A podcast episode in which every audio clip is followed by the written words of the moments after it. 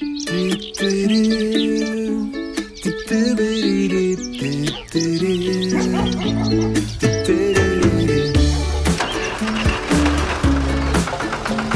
setve do žetve. Oddaja o kmetijstvu programov Radia Slovenija. Od setve do žetve. Lepo pozdravljeni na še eno volilno nedeljo. Verjamemo, da vas ni malo, ki komaj čakate, da izveste volilne rezultate, zagotovo pa vas zanimajo tudi teme današnje oddaje. Danes vas bomo seznanili s trajnostnimi koncepti kmetovanja in vprašanji, na katere iščejo odgovore pomorski kmetje, ki jih skrbi tudi, kako bodo v prihodnosti pridelovali hrano na zaščitenih območjih. Za konec pa bomo ugriznili v jabolko bonito, kakor se imenuje nova sorta, ki jo v naših sadovnjakih preučujejo zadnja tri leta. Trajnostno kmetovanje.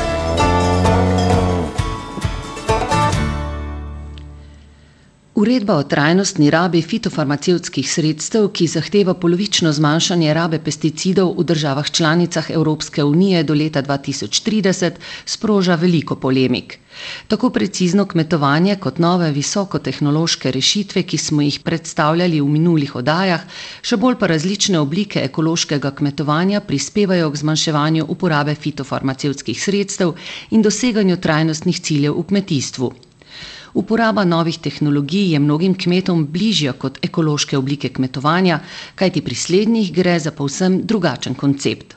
Več o trajnostnih metodah v kmetijstvu pa v prispevku Jrnejke Drolec.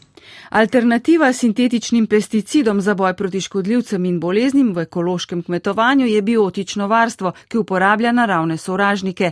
Zelo učinkovita metoda bionadzora je tudi uporaba feromonov, ki povzroči zmedo pri razmnoževanju škodljivcev. Po tujih izkušnjah se pridelki na kmetijah, ki uporabljajo bionadzor, večajo vse dokler povečujejo biodiverziteto. Kot smo slišali na mednarodnem posvetu o prehodu v ekološko prihodnost v državnem svetu, je danes na trgu že veliko rešitev na področju biotičnega varstva. Slednje daje spodbudne rezultate tako glede zdravja kot donosa pridelkov. Da bi pridobili več znanja, bi temu področju tudi v strateškem načrtu kmetijske politike v prihodnjih petih letih morali posvetiti večjo pozornost. Jaka Razinger, raziskovalec Kmetijskega inštituta Slovenije. Jaz mislim, da veliko raznih možnih alternativnih strategij klasičnemu kemičnemu varstvu rastlin obstaja obstajajo razne strategije biotičnega varstva. Ne? Mi moramo vršiti inventarizacijo koristnih organizmov. Šele ko nek koristni organizem pač potrdimo v Sloveniji, govorim zdaj o teh komercialno dostopnih koristnih organizmov, to, kar lahko od koperta nabavimo ali pa biokontrola. Te organizme lahko mi priporočamo in uporabljamo v slovenskih pogojih, šele ko je ta organizem potrjeno prisoten v Sloveniji. Jaz pa mislim, da premalo energije vlagamo v to, da jih iščemo. Seveda pa take strategije biotičnega varstva nujno preveriti v slovenskih pridelovalnih pogojih. Medtem pa je biodinamično kmetovanje kot nadgradnja ekološkega kmetovanja tako v tujini kot tudi v Sloveniji že preizkušena alternativna praksa. Začetnica biodinamičnega kmetovanja pri nas, ki že 29 let obdeluje 15 hektarsko kmetijo na vrstencu, meta vrhunc. Biodinamika omogoča popolno samostojnost kmeta s tem tudi absolutno samostojnost in neodvisnost države. Omogoča trajno plodnost zemlje, omogoča ekološko ravnotežje, omogoča visoke pridelke najvišje kakovosti, je garant ohranjanja kulturnih rastlin, zdravja živali in človeka.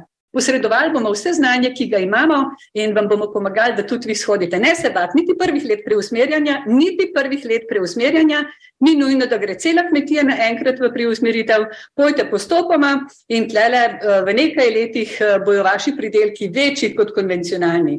Do, eh, gospod Sorom si je rekel na vprašanje, koliko pa pridelate? 8 ton pire na hektar, 55 ton korenja na hektar, 40 ton krompirja na hektar, biološko dinamično, Rengohof v Bodenskem jezeru. Pa mi pokažite konvencionalnega kmeta, ki, so, ki to zmore.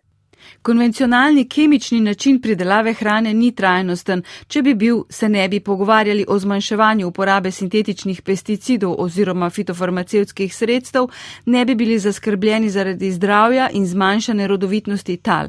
Zato rešitev za probleme ne bomo našli v enakih sistemih, ki so povzročili težave, povdarja profesorica dr. Martina Bavec z Fakultete za kmetijstvo in biosistemske vede Maribor. Moje mnenje, mnenje mnogih je, da je ekološko kmetijstvo lahko odgovor za številne globalne probleme prihodnosti in uh, Določene študije kažejo, da je upad biodiverzitete morda večji globalni problem, kot so podnebne spremembe.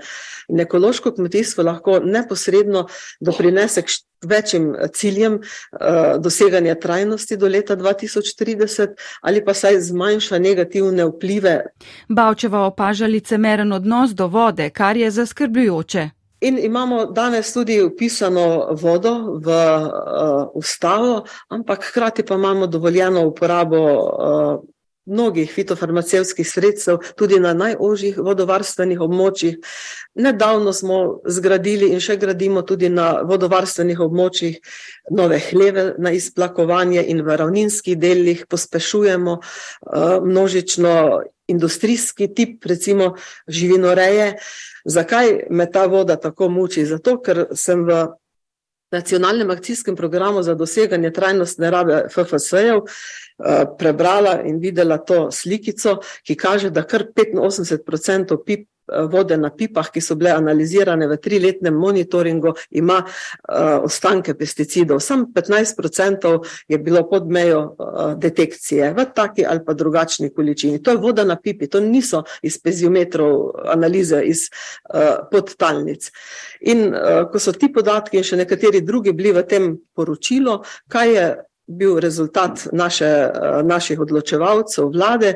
Spremenili so ta eh, akcijski program eh, in so te kritične indikatorje ven vrgli. In v zdaj, zdajšnjem poročilu tega indikatorja več ne boste mogli prebrati. No in to jaz dojemam kot greenwashing, Alternative konvencionalnemu kmetijstvu obstajajo in so učinkovite, povdarja Ana Frelih Larsen, zaposlena na Ecologic Institute v Berlinu, to je neprofitni inštitut za okoljsko politiko.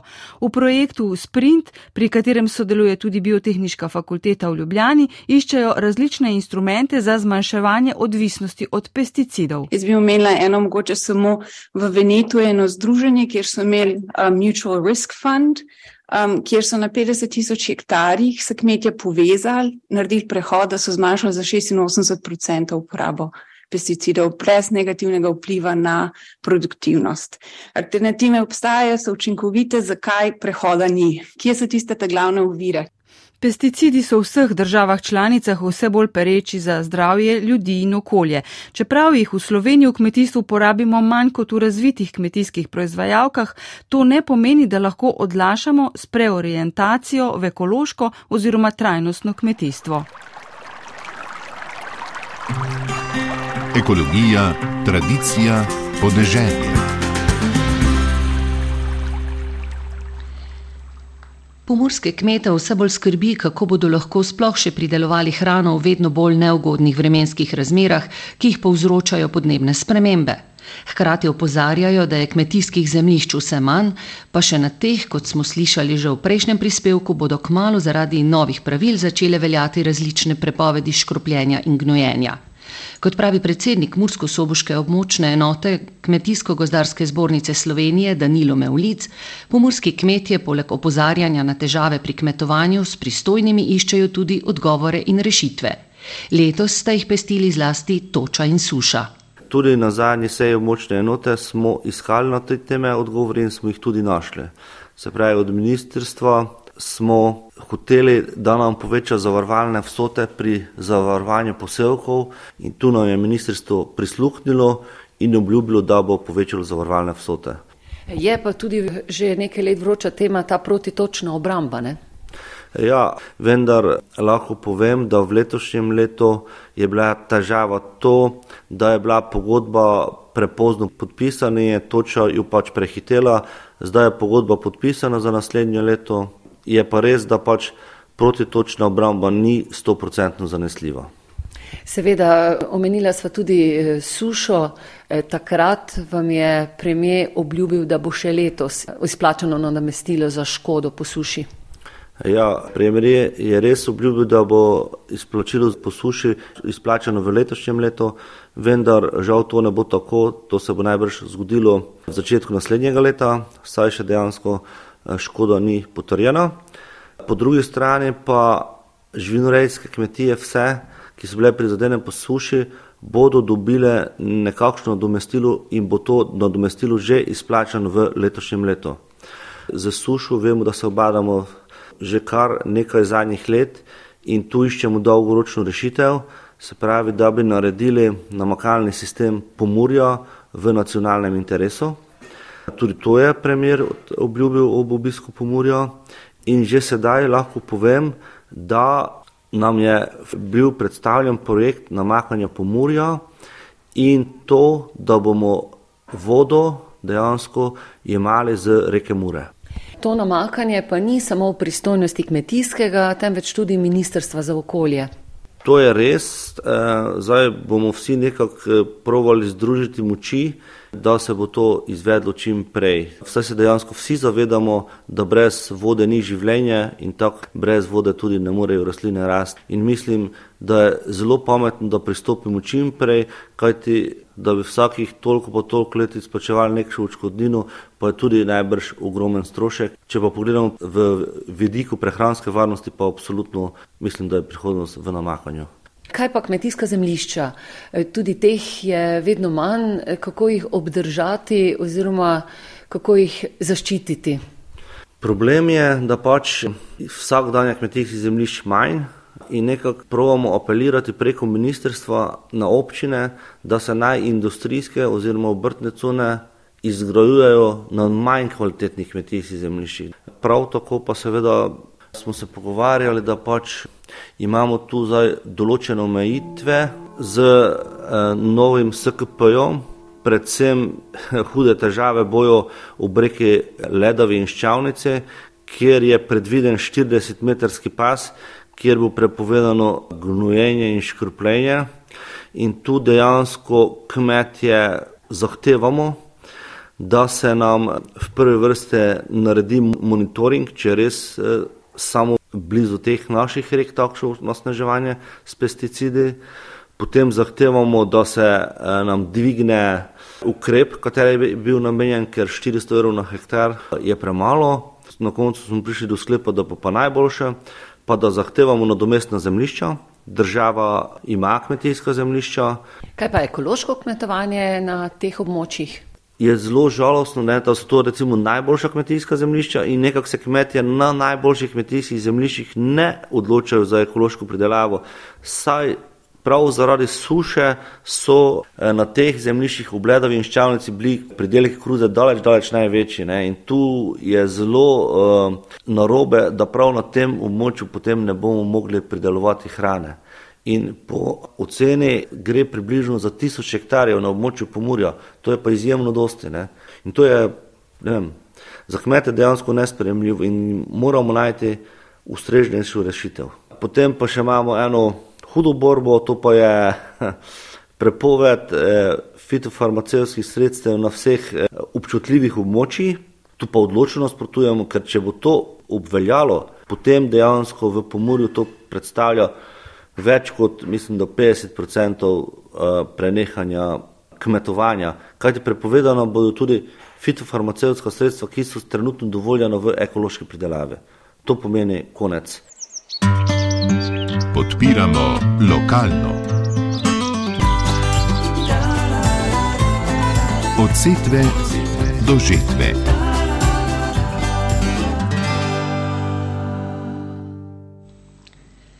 Pred tremi leti so kmetje združeni v zadrugo Tibona zasadili prve nasade jablan z novo sorto Bonita z namenom, da bodo lahko potrošniki v slovenskih trgovinah in na kmetijah kupovali slovensko jabolko. Lani in letos je nova Bonita, ki je odporna na najbolj pogoste bolezni, že lepo obrodila. Tehnologijo pridelave, skladiščenja pa tudi trženja raziskujejo z Biotehniško fakulteto iz Ljubljane v triletnem projektu Evropskega inovativnega partnerstva, ki pa se izteka. Več Suzana Vahtarič.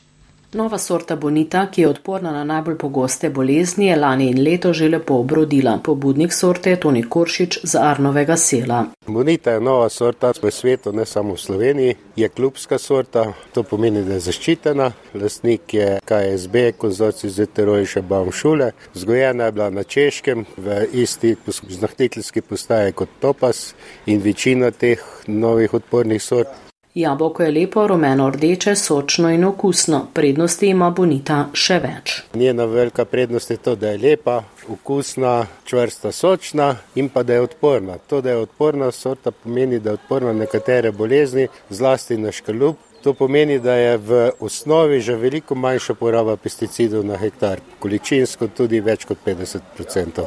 Da bi jo zasadili v Sloveniji, so morali ustanoviti zadrugo. Direktor Toni Koršič pravi, da združujejo 18 pridelovalcev z dobrih 20 hektarji nasadov nove sorte po vsej državi. V Sloveniji je zasajenih še dodatnih 20 hektarjev bonite pri podjetju Štajerc, skupaj torej 40 hektarjev. Koršič verjame, da bo bonita vodilna sorta pri pridelavi jabolk v državi in opozarja, da zadnja leta pridelava ne zadostuje za samo oskrbo. Pridelamo premalo sadja, premalo jabolk za samo oskrbo, kar je katastrofalen podatek. Če smo še pred dobrimi desetimi oziroma dvajsetimi leti pridelali toliko jabolk, da smo jih morali polovico izvoziti. V projektu so povezali pridelovalce, združene v zadrugo Tibona, strokovnjake biotehniške fakultete Univerze v Ljubljani ter terensko svetovalno službo. Tehnologijo pridelave, skladiščenja pa tudi trženja raziskujejo v triletnem projektu Evropskega inovativnega partnerstva. Vodja projekta Jrneja Jakopič. Ta projekt je potekal v okviru Evropskega partnerstva za inovacije in k nam so prišli predelovalci z željo, da jim pomagamo pri uvajanju nove sorte v Slovenijo. Smo k temu projektu pristopili in sicer smo v okviru tega projekta zastavili tri stebre in sicer tehnologijo predelave, skladiščenje in trženje. Razvili smo tehnologijo v teh treh letih trajanja projekta, ki se zdaj zaključuje. Naredili kar nekaj poskusov tudi glede skladiščenja in pa tretji stebr je bil pa to sorto pospremiti na trg. Mogoče glede na to, da smo danes tukaj z namenom pospremiti bonito na pot, bi se kar pri tem zadnjem stebru ustavila, kjer smo najprej oblikovali celostno grafično podobo bonite Bonita Si, oblikovali blagovno znamko Bonita Si in pri trženju v bistvu oblikovali tudi slogan, ki se glasi izberem dobro, delam dobro, bonita si.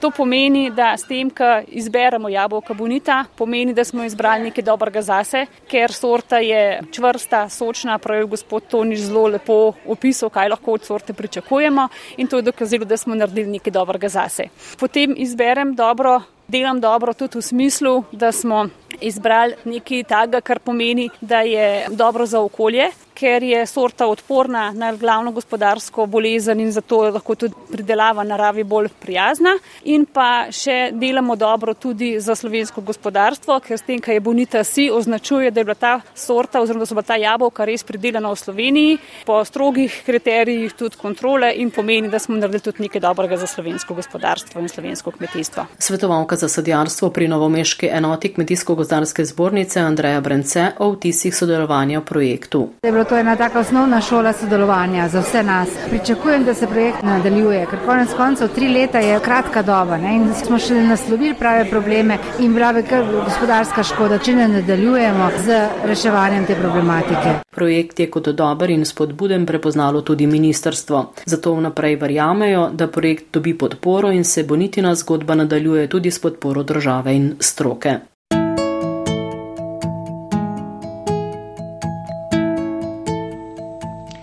Jabolka in drugo sadje je zagotovo, tako kot preostala ozimnica, že v shrambah in napori, da bomo imeli čim več lastne, zahtevajo veliko znanja in volje. Upamo, da smo vam nekaj tako enega kot druge dali tudi v današnji oddaji od setve do žetve, ki smo jo pripravile Jrneka Drolec, Suzana Vahtarič in Lidija Kosi. Za tonsko izvedbo je poskrbel Miha Klemenčič, zdaj pa se oddaja seli v spletni arhiv radio1.si ter v arhiv oddaje od setve do žetve na portalu MMC ter v aplikacijo za podkaste. Lep preostanek nedelje vam želim in vas vabim k poslušanju spet prihodnjo nedeljo.